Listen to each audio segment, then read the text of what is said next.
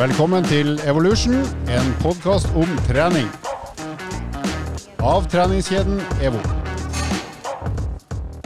Og der var vi tilbake igjen i Evolution Studio. Den raske, den stygge som du hører på akkurat nå, og den pene. Vi har eh, beveget oss en eh, god del eh, siden sist vi hørtes, så vi starter rett og slett med å høre hva folket har gjort, og vi skal begynne med han peneste, for han har gjort uh, mer enn oss andre. I hvert fall brukt lengre tid på det. Så uh, Lars, få høre hva du har bedrevet av bevegelse i det siste. Jeg har i hvert fall hatt varigheten med meg, for å si det sånn.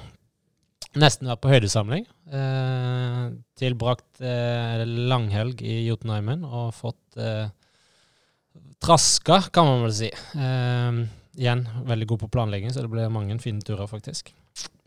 Eh, så vi eh, fikk både tur fredag, lørdag og søndag.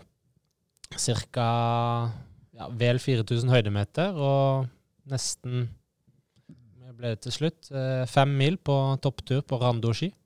Fantastisk fint i fjellet nå, så for de som eh, ønsker å utnytte mai måned, ved å komme til aktivitet eh, utendørs og på ski, eh, så er det nydelig både i Jotunheimen og andre steder i Norge, har jeg sett. Det er kommet litt snø eh, rundt om, så vi var veldig heldige med snøværet som kom og falt eh, tidlig i uka, så da ble det noen vanvittig fine turer. Og ikke minst så var jo været på riktig godsida. Null vind. og- Hvordan er snøen nå? Er det bløtt eller hardt eller isete eller ja, Vi begynte ganske tidlig på dagen, så da er det ganske hardt. For det er jo nattefrost. Ehm, men på nordlige side så var snøen kommet som veldig fint som pudder. Sånn fin styresnø, sånn 15-20 cm med ordentlig sukker. Eh, mens resten blir jo varme opp av sola, så det blir jo fin slush eh, før utover dagen hvis man tilbringer hele dagen ute. Så hvis du går på trynet, så går det greit? Du lander mykt? Ja, jeg lander jo mykt uansett, så. Det er sant. Men dobbelt mykt. Dobbelt mykt. Nei, vi fikk eh, som sagt eh, noen kjempefine topper og fikk klatra litt og rappellert litt og testa litt eh, Hva skal jeg si Frykten for høyde og Gikk du med hjelm? eh, Nå spør jeg, for jeg, jeg har ikke Ja. prøvd det. random. Går man med hjelm, eller kjører man med hjelm? Man eller? kjører med hjelm, det Ja. gjør man. Men uh, man går ikke med hjelm, så da kler jeg av meg og puster mest mulig. Jeg er en av de som svetter mye og ventilerer mye, så da må det ut et sted. Er man bevæpna? Ja, i seks. Kommer an på hva du mener med bevæpning.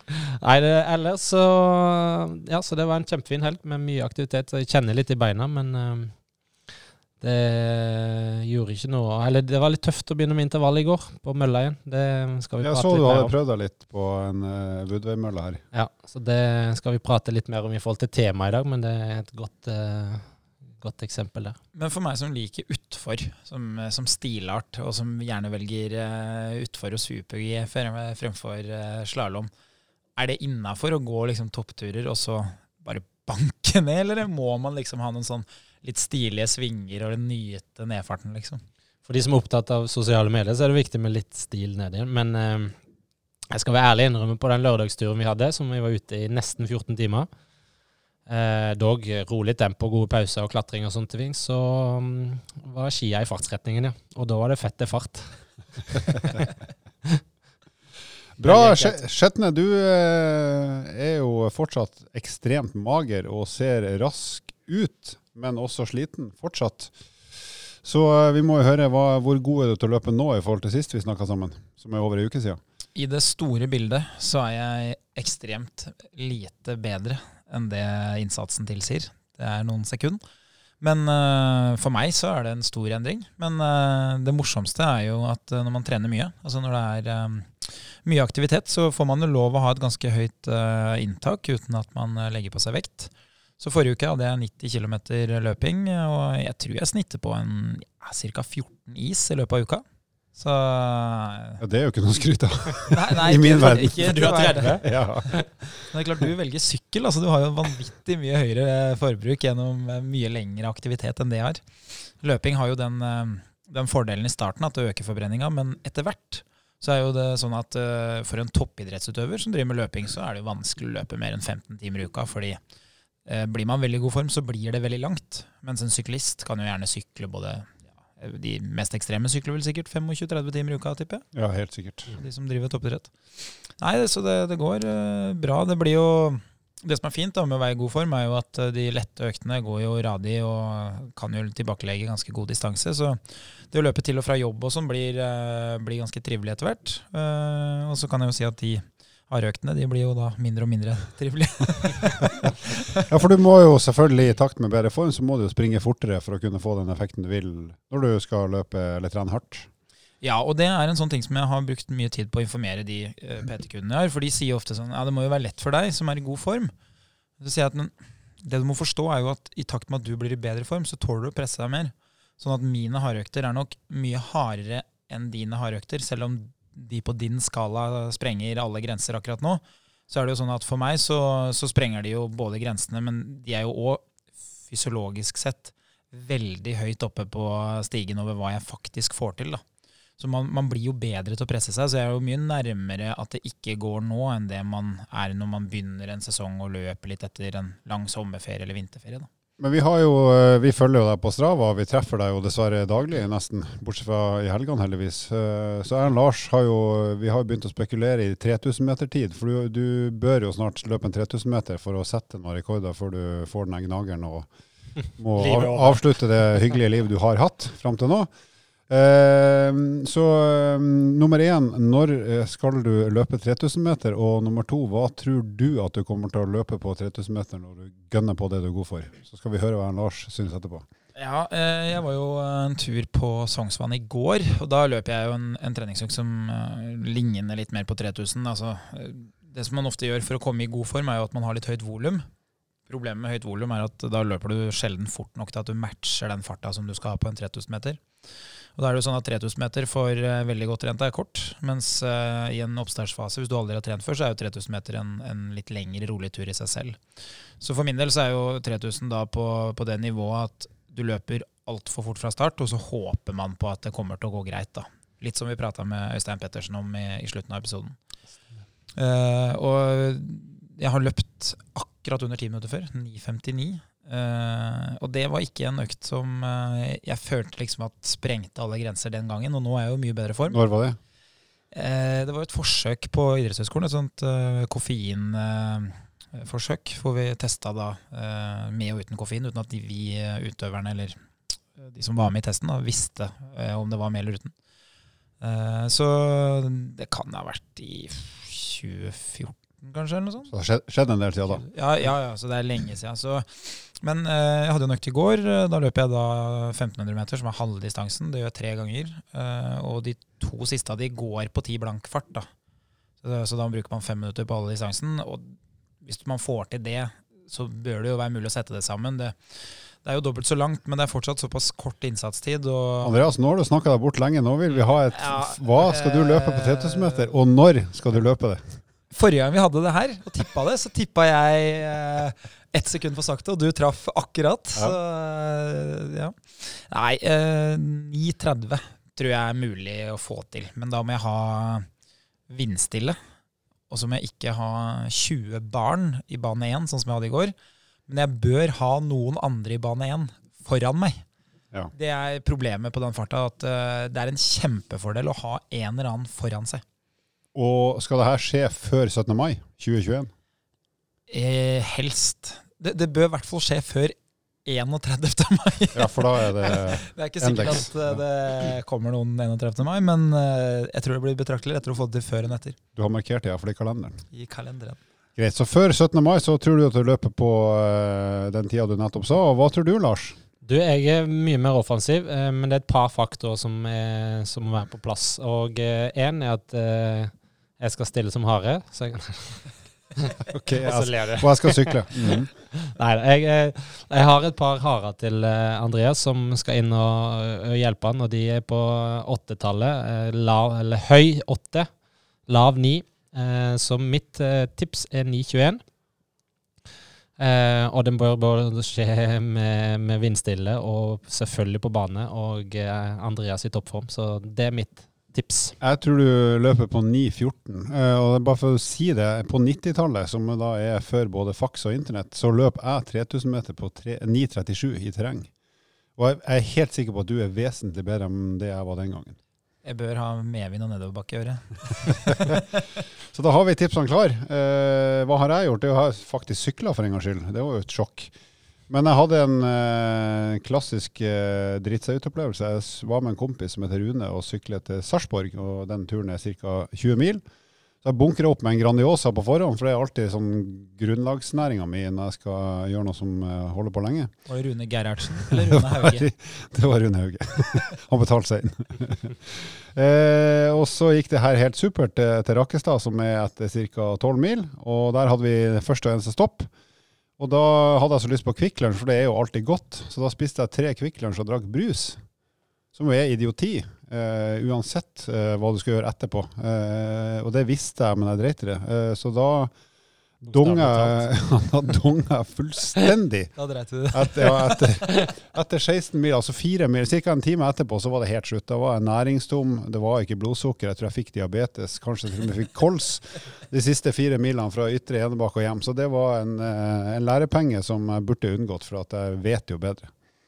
Så de 20 milene var ålreit i 16, så var det ferdig med det. Vi har snakka en del om eh, løping allerede, og vi skal snakke ganske mye mer om løping i forhold til eh, hva slags belastning det faktisk er. At det er effektivt, men det er også ganske tøft for kroppen. Så eh, følg med, folkens, så får dere vite en del som er nyttig på alle nivå.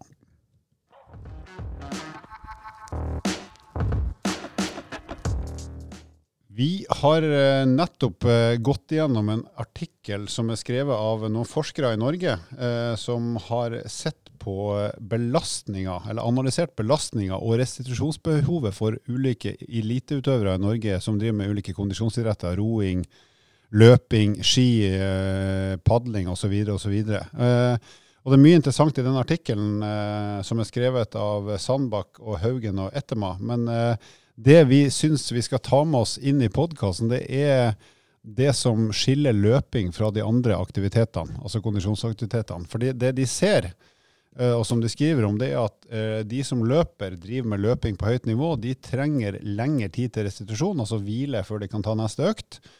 Eh, og så trenger de ikke så trenger de ikke å trene så mange timer eller minutter, litt sånn som Andreas var inne på, for å på en måte få den dosen de både tåler og trenger. Eh, og Så kan man tenke ja, men det her er eliteutøvere på nasjonalt og internasjonalt nivå, så det er, gir ikke mening for oss andre. Men det gjør det. For at eh, løping er Grunnen til at løping er både effektivt, men også ganske belastende, det er jo at du flytter på kroppstyngden din i ethvert steg, og du tar også imot kroppstyngden din i ethvert løpesteg. Sånn at den mekaniske belastninga, kall det støtbelastninga du får når du løper, uansett form og nivå, er ganske mye tøffere enn stort sett alt annet. Så derfor tenkte vi å snakke litt om det. For løping har vi jo snakka mye om i forhold til at det er en fantastisk god treningsform, og det er enkelt, for du kan gjøre det inne og ute egentlig hvor som helst. Eh, og så skal vi nå se litt på en del ting som kan være lurt å tenke på, enten du er allerede i gang med løping, eller skal komme i gang med løping for å unngå å bli skada, men at du heller kan trene løping på et nivå som gjør at du kan utvikle løpinga di og bruke det som det verktøyet det er for å komme i form og holde form uten at du får trøbbel. Eh, og dere gutter har jo flere kunder dere bruker, trener jo alt mulig med, men også løping. Kan dere si litt først nå, hvordan tenker dere denne belastningsfaktoren i løping? Hva tenker dere da med et menneske som i utgangspunktet ikke har trent på en stund, eller i hvert fall ikke har løpt på en stund? Hvordan kan man, hva kan man tenke rundt det å komme i gang med jogging, løping, eventuelt gåing, for å komme i gang med trening, men uten å bli skada? Eh, jeg tenker det først er liksom viktig å, å snakke litt sånn rent sånn teknisk hvordan måte, løpesteget foregår. Altså det er jo for det første, som du sier, så det er en svevfase fordi man er eh, der man løfter egen kroppsvekt og er mellom to steg. Og så er det en måte en, en, et hjul som går i forhold til foten og rent mekanisk, hvordan det løpesteget ser ut visuelt. Eh, Så det er jo en belastning ikke bare i og rundt eh, beina, men lenger opp òg. Altså rygg og hofte, som òg får en ganske stor belastning. Eh, Og for at lytterne skal skjønne litt eh, måte, tall og hvordan den belastninga faktisk er, så, så er det jo ulike tall man, man opererer med. Men et, et sted mellom hvis vi skal ta en snitt, altså mellom to til fire ganger kroppsvekt for hvert steg, avhengig selvfølgelig av fart og, og hvilket type terreng Så, man så kan man jo gange seg litt frem til, i forhold til sin egen kroppsvekst, for man er på en måte i bunn. Eh, og så er det jo verdt å si at eh, Jeg kan ta en liten historie om meg sjøl, bare for, for å skjønne folk eh, hva som faktisk kan skje. Jeg eh, hadde et mål i fjor når jeg ga meg med alpint. Eh, litt tung i kroppen etter x antall år med alpint og mye mat og mindre aktivitet. Eh, Mye heis. mye heis. og hadde satt med et eh, kult treningsmål der fremme. Jeg skal være med på eh, noe som heter X-Raid, som er et eh, terrengløp, et eh, ultramaraton på ja, rundt 120 km. Og det i seg sjøl er selvfølgelig hårete, men eh, veien frem dit var ganske tøff. Fordi jeg begynte litt for fort, med litt for høy belastning, litt for høyt volum, litt for høy intensitet og litt for ensformig. Det vil si, jeg løp veldig mye på asfalt og eh, fikk veldig fort begynne å slite med akilles. Mm. Og det kan følge en ganske lenge, eh, og det har fulgt meg ja, ca. halvannet år før det begynner å slippe opp litt mer. Så på en måte ha det i bakhodet at det kan gi store konsekvenser ved å begynne for fort med for ensformig belastning, og ikke minst i forhold til intensiteten. Ja, så det, det som er utfordringa med løping, eller som skal være observant på, det som du egentlig sier, Lars, det er rett og slett det her at et løpesteg i seg sjøl, der tar du jo sats og flytter kroppen oppover og framover, som flyr litt i lufta, uansett hvor fort eller sakte du løper. Og så skal én fot ta imot den krafta som treffer bakken når foten treffer, og så kommer kroppstyngda i fart etterpå. Og den belastninga er ganske tøff, uansett så lenge du jogger eller løper. Så det er liksom grunnen til at du skal prøve å være så smart som mulig når du enten skal i gang med jogging, løping, eller allerede er i gang og har kanskje lyst til å øke volumet eller, eh, eller utvikle deg som løper. Og du Andreas har jo løpt ganske mye nå i flere år, og du forteller jo ofte om at nå har du ei 70 km-sjuke eller 80 km-sjuke, og da kan man tenke ja, det er jo fantastisk det, men er det egentlig sinnssykt mye? For det høres jo det er mye for de fleste, men det er jo ikke sånn ekstreme mengder å tenke å, jeg løper en mil om dagen, er det så vanskelig? Men det er jo en grunn til at det ikke er mer enn 70-80 km i uka. Hvorfor er det det? Eh, nei, hvis man ser da eh, på hva som er normalt, da. Hvis du skal f.eks. stå på start for Norge i OL på maraton, så tror jeg Ja, takk. Må, ja takk. Da tror jeg du må, uansett hvordan du snur og vender på det, så må du nok ha 15 mil i uka. Mm. Det er nok eh, baseline. Mange av de løper nok over 20 mil i uka, altså 200 km. For de fleste så er det helt hinsides, ikke sant. Fordi du bruker så lang tid på det. Mm. Men hvis man setter det litt i perspektiv, da, sant, så er det sånn at snittfarta mi på de, hvis du sier syv eh, mil, da, altså én mil om dagen, én uh, en ti kilometer hver eneste dag, så vil det være sånn at hvis du ikke er i veldig god form, så kanskje du må bruke én time, én time og fem, én time og ti. Mens eh, snittet mitt på alle øktene jeg har, er ca. 45 minutter. Klart 45 minutter om dagen, det er jo det som nesten er nede på nivået som Helsedirektoratet anbefaler av fysisk aktivitet. Mm. Uh, og hvis du setter det virkelig på spissen, da, så sier du at hjemmefra til jobb så er det 7 kilometer. Med bil så blir det 15 minutter. Uansett hvordan jeg snur og vender på det, så må jeg nesten sitte i den bilen i 15 minutter, pluss ned i bilen, inn på jobb eh, fra parkeringa. Skru på vifta. Ja, ikke sant? Så si at det tar, eh, tar 25 minutter, da. Det betyr at differansen er 20 minutter. Selvfølgelig må jeg jo dusje etterpå, eh, gjerne, men forskjellen er jo at da kan jeg få lov å løpe én mil hver eneste dag, bruke 20 minutter lengre tid. Og Hvis jeg i tillegg da løper til og fra jobb én dag, og tar fri dagen etter, så har jeg jo da løpt de to milene som jeg skal. Eh, og det er jo fordelen med å være i god form, at man da får det ned på det nivået. Og eh, jeg tror jo, basert på det jeg har sett av andre, så jeg løper nok ganske lite i forhold til hvor fort jeg klarer å løpe. Men det handler jo mer om hvor mange år jeg har gjort det, enn hva som er nivået akkurat i dag. Så jeg har på en måte har fått avkastning gjennom at jeg har vært tro til å gjøre det i si 10-15 år. Mens mange av de andre som løper da kanskje en eh, si fire-fem mil mer enn meg i uka, de har ikke gjort det systematisk i mer enn to-tre år. og Derfor så har de ikke fått lov å bli i bedre form. Men om fem år så vil jo de være i mye bedre form enn det er. Hvis de Så, så hvis du skulle økt mengden, nå snakker vi om høyt nivå, vi skal dra det ned på øh, lavere nivå etterpå, men hvis du skal øke mengden løpsrelatert trening for å bli enda bedre til å løpe ganske langt, hva, hva kan du gjøre da?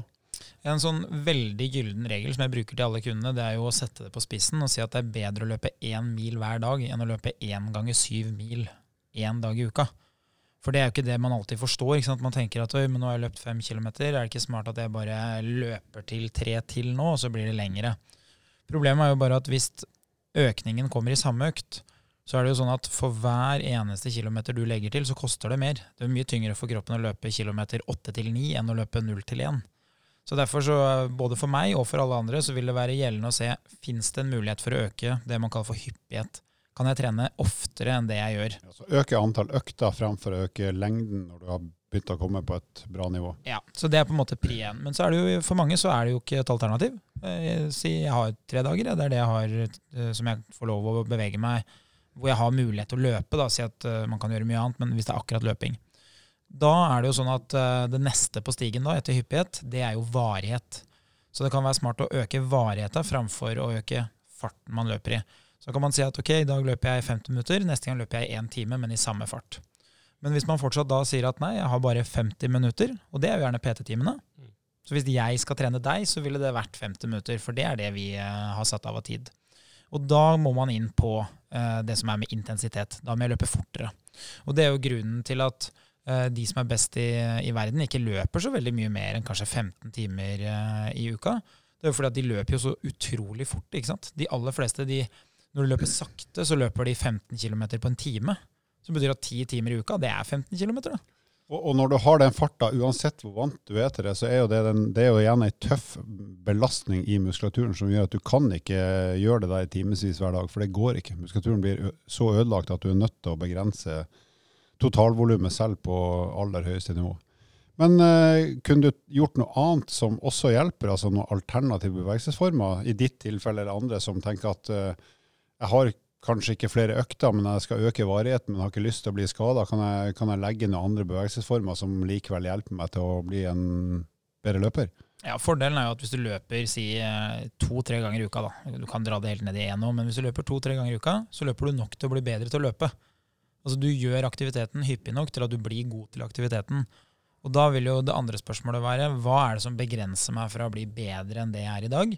Og For de aller fleste så er jo det kondisjonen. Og kondisjonen den er ikke knytta til at du må løpe. Der velger vi jo bare løping som et verktøy. Og eh, siden da verktøy løping er effektivt, men da òg veldig kostbart for kroppen, så kunne jeg valgt noe som er mindre kostbart. Eh, I mitt tilfelle så er jo halve året fylt med ski. Og ski er jo en metode jeg bruker, men det er jo ikke noe alle andre kan bruke, fordi det stiller veldig store tekniske krav. Eh, det er jo som jeg tidligere har sagt her, at jeg kan ikke bruke svømming. Altså Svømming for meg det er helt håpløst. så Derfor så vil de valgene som gjelder for de fleste, være type ellipsemaskin, hvis man har tilgang til det. For det ligner veldig på løpesteget. Mm. Eh, hvis man ønsker varighet, så er sykling jo et kjempefint alternativ. Det er jo ofte noe jeg prater med mange av de som jeg jobber med, om at uh, sykling burde kanskje vært valgt oftere hos de som skal ned i vekt. For da kan de få holde på lenge uten belastning. Men man tenker ikke alltid på sykling som et uh, godt alternativ, fordi alle har pepra løs om at uh, løping er mer effektivt enn sykling. Og det er jo sant. Men uh, det betyr ikke at det er dumt å gjøre noe annet heller. Nei, det handler jo bare om varigheten, ikke sant. Ja. Og det, det, er jo det er helt riktig som du sier, Andreas. Så, så verdt å si at de bevegelsesformene, eller aktivitetsformene, kan være vanskelig for mange å få varighet på, fordi bevegelsesformen krever et annet muskelarbeid. Eh, og ikke minst teknisk utførelse, hva kommer til ski eller svømming eller roing for den saks skyld, som òg er en ekstremt fin bevegelsesform med tanke på hvor mye muskulatur som er i bruk. Eh, et praktisk eksempel fra en gruppe litt eh, hva skal jeg si, røslige mannfolk. Sterke, sterke, sterke, sterke karer. Eller som vi runde i kantene, ikke det man sier?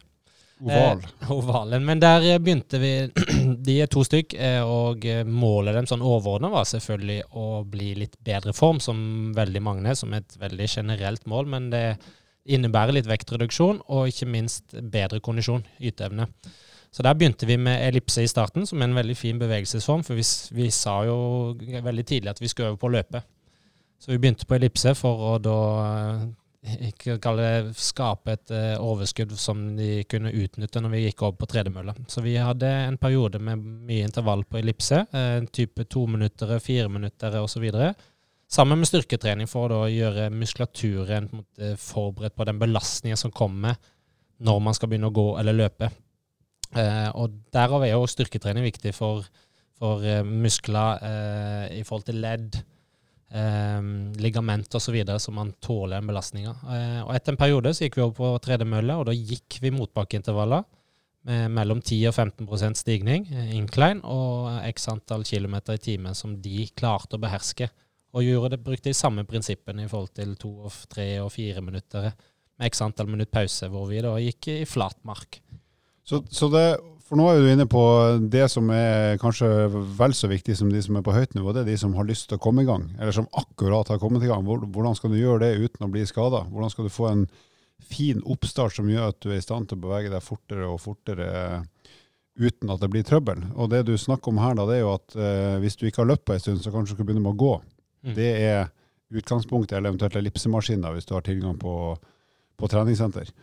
Ja, og eh, det å gå er jo ofte noe som eh, er undervurdert i, i veldig stor grad. Det som er problemet med å gå, er jo hvis du går der det er helt paddeflatt, så blir det ikke veldig mye kondisjonsjobb. Men uh, en måte som jeg ofte beskriver det til, til kundene på, da, for at de skal forstå det gjennom et eksempel uh, Hvis man bor i Oslo, da, så er det jo lettere å, uh, å forstå eksempelet, men eh, det gjelder jo egentlig overalt. Men hvis du står på Ring 3 på Ullevål stadion, da står du litt utafor byen. Du står eh, Ullevål stadion er en fotballstadion, ja? Ja. det, det stemmer. Det stemmer meget bra.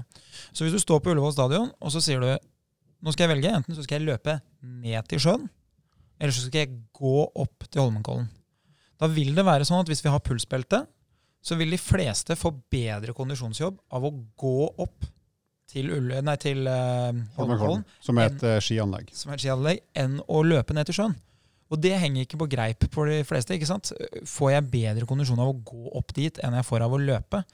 Ja, fordi kroppen den er jo sånn at du blir bedre til å løpe av å løpe. Men kondisjonen din styres jo av hvor tøff jobben som du gjør, er. da. Og når du går oppover der, så er det såpass tøft for kroppen, for det er så mange høydemeter opp til, eh, til Holmenkollen, at hjertet må slå ganske mye. Så veldig mange kunne jo bytta ut en del løpeturer med gåturer, sånn at de på sikt kunne løpt mye mer. For problemet med løping er jo at uh, dessverre så er mange i for dårlig forfatning til at de egentlig får lov å løpe.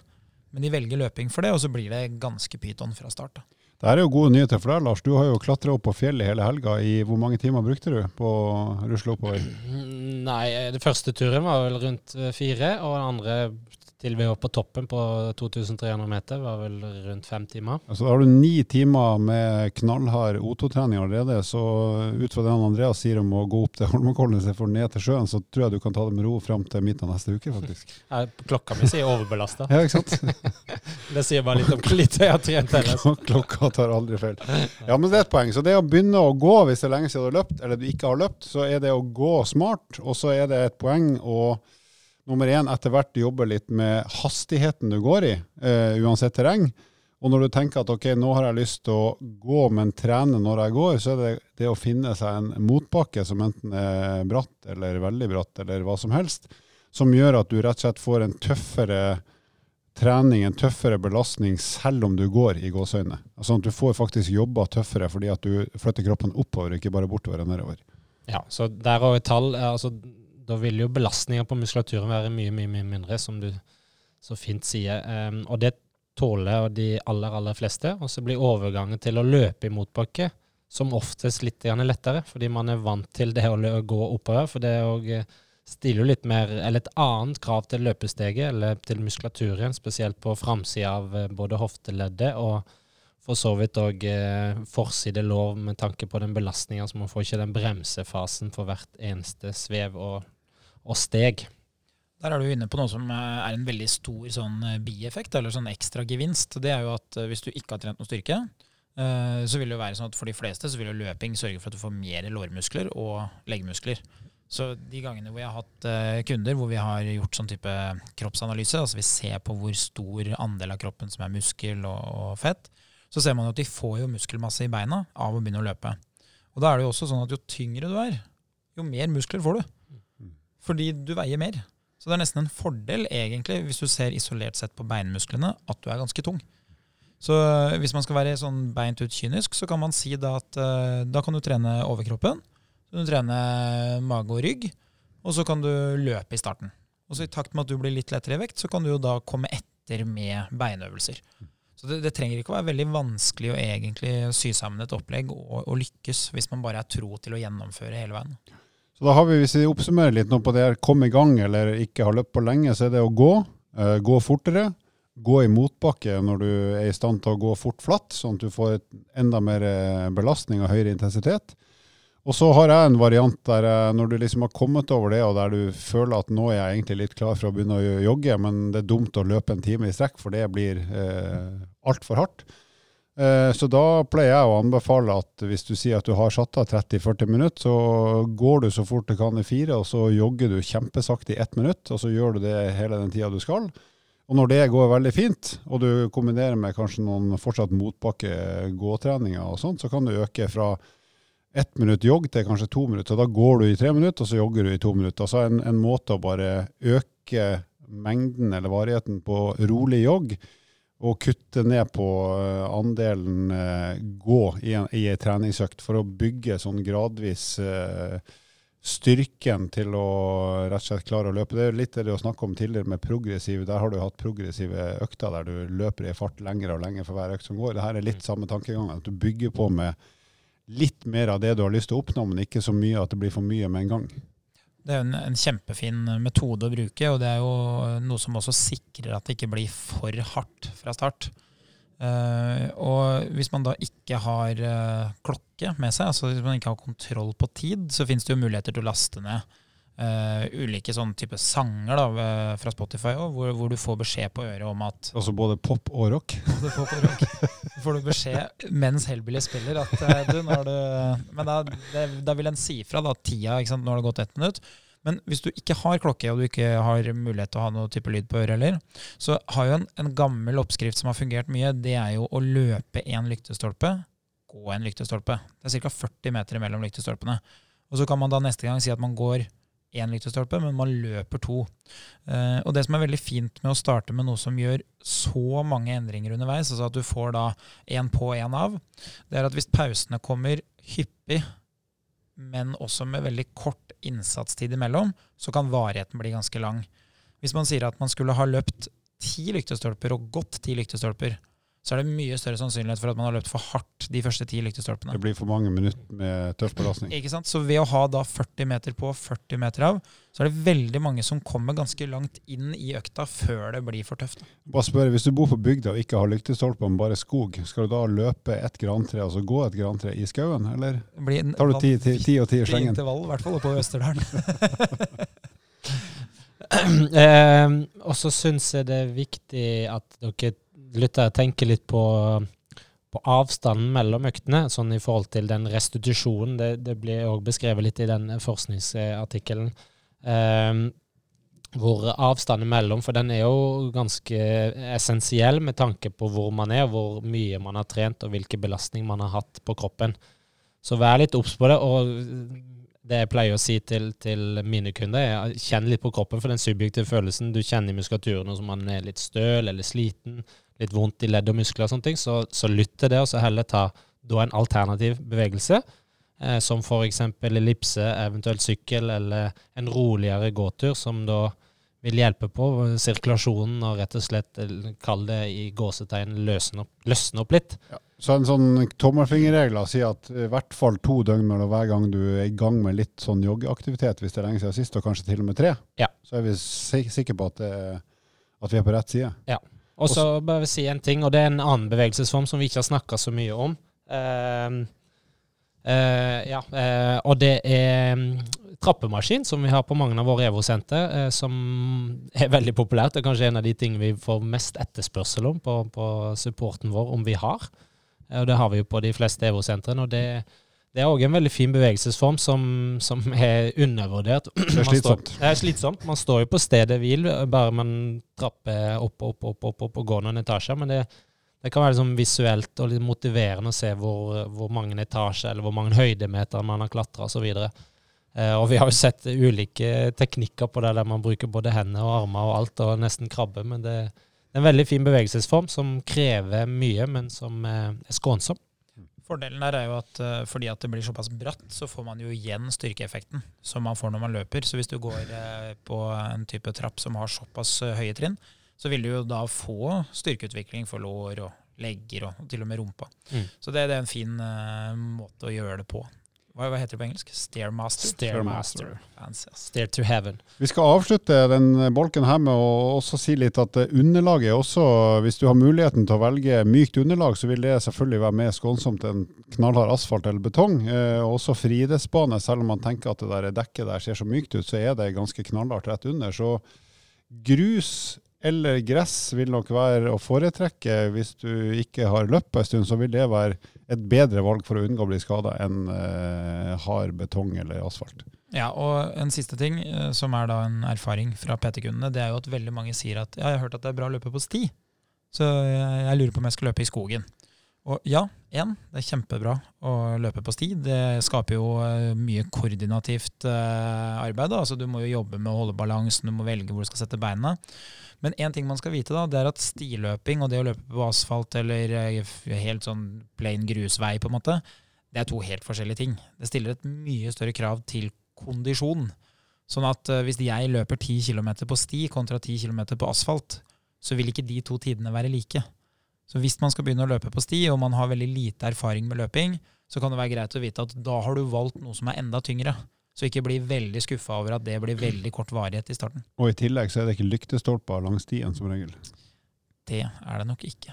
Så vær klar over det, folkens. Da blir du ikke belyst, og heller ikke får hjelp i intervallen. Hvem sier det? Vær klar over det.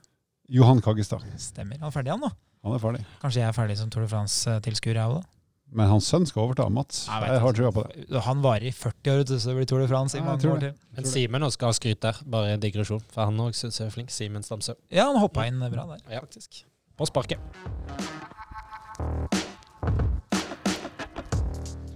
Vi har fått inn spørsmål også denne uka her, og det kommer fra en mann eller gutt som heter Rune, ukjent alder. Han skriver Hei, det er tre år siden sist jeg trente regelmessig, og nå har jeg lyst til å begynne med å gå turer på ca. en time annenhver dag. Men etter hvert håper jeg å kunne jogge sammenhengende i inntil 30 minutter. Jeg er ganske tung, så har dere noen tips for hvordan jeg kan ta bokstavelig talt steget fra gående til joggende i løpet av våren og sommeren? Hva har vi å tipse Rune med? Så han, skal, han har satt av en time nå annenhver dag til å gå, men han har lyst til å øke den farta til jogg i løpet av noen måneder. Det er vel nærliggende å tro at jeg skal svare på den, siden jeg er Du er jo nærmere, nærmeste kategorien.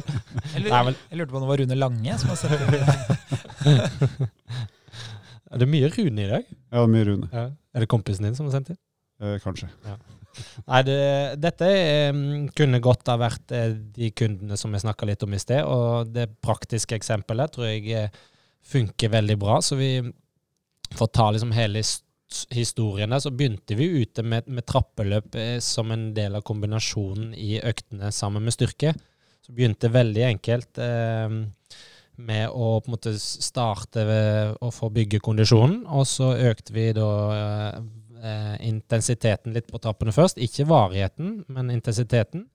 Eh, og etter hvert når vi gikk over på å trene innendørs, så vi, gikk vi på mølla i motbakke. Så rett og slett bare for å bli vant til den bevegelsen, og ikke minst klare å bære sin egen kroppsvekt, samtidig som de gikk litt ned i vekt. Eh, nå står det ikke hvor, hvor tung han er, men ganske tung vil jeg tro at eh, da har han litt ekstra. Ja, Og så, øh, så er enig i den. Også en variant, øh, i hvert fall jeg tror jeg vet hvor han bor. han bor i variert terreng. Eh, og det er jo da ikke sant, han har begynt å gå, som er bra. Ja. Eh, og så kan en, eh, en variant av de gåturene er ganske fort å tenke at når det kommer en motbakke, skal jeg gå så fort jeg kan. Mm. For da blir det en slags naturlig intervall. Og så heller gå normalt etterpå. Så får du den der eh, motbakkeintervallen som vi har snakka litt om i, i gåturen. Ja. Og så kan det hende at når man føler at det går ganske greit, så kanskje han skal begynne med veldig rolig jogg ett minutt, og så gå fire minutter. eh, Og så øke da joggesekvensene i den økta der. Og da tenker jeg at han kanskje spesielt skal begynne å vurdere litt sånn som du snakker om, kanskje bruke trappa og litt sånn mer styrkelignende kondisjonsbevegelser også, for å bli robust nok til å kunne jogge lenger og lenger. Ja, så slå et lite slag for styrketrening inn i, miksa inn i dette her, men igjen, som vi var inne på i sted, restitusjonen imellom øktene bør jo òg være, være med i bildet, være med i vurderinga. Ja. Hvor, lenge, hvor lang avstand han har mellom øktene. Så jeg tipper det kommer til å gå ganske fint i forhold til å begynne å jogge. Jeg regner med å se han i løpet av kort tid. Vi har noen fun facts òg, folkens. Og siden vi snakket om løping, så har jeg funnet fram to som er faktisk rett og slett imponerende. Det ene er verdens eldste person som har gjennomført et maratonløp. Han heter Fauya Singh. 101 ett år gammel. 101 år gammel. London Marathon i 2012. Løp eller jogga på 7 timer og 49 minutter. Det syns jeg er ekstremt imponerende. Ja, det er jo fader meg helt sjukt. Helt vanvittig. Det er jo, det er jo altså over 5 kilometer i timen. Altså det, det er jo godt.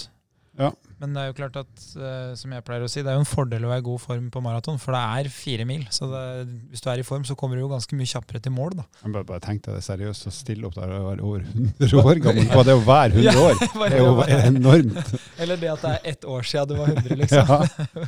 Og så har vi en annen variant også på maraton. og Det er relativt tung mann med veldig god tid. En som heter Peter Maher. Han eh, veide 95 kilo da han løp maraton på to timer og 11 minutter. Og Det er også ekstremt imponerende, for det er ikke så fryktelig langt unna verdensrekorden. Verdensrekorden er vel på akkurat under to timer. 1,59 og nå. 38.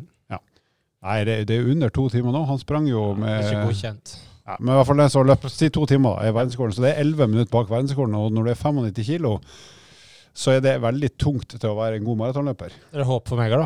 Det er, du er jo faktisk for lett, Lars. Så, Og opp et par kilo. så vil jeg bare si det til alle de som sitter og tenker 2.11, er det kjapt? Eh, Det fins en mulighet til å finne det ut.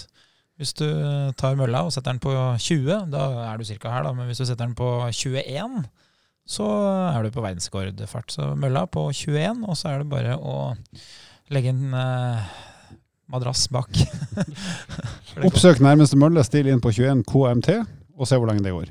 Du, jeg har en eh, siste innspill for å eh, engasjere dere lyttere. Det er rett og slett at dere kan sende inn eh, tipset, eller det dere gjetter på tida til Andreas. Eh, Send På inn på, 3000. på 3000. Eh, send inn på, på Instagram eller andre sosiale kanaler. Og så gjett tida, så skal vi finne en fin premie til den som er nærmest. Eh, og eh, mitt tips eh, ta i.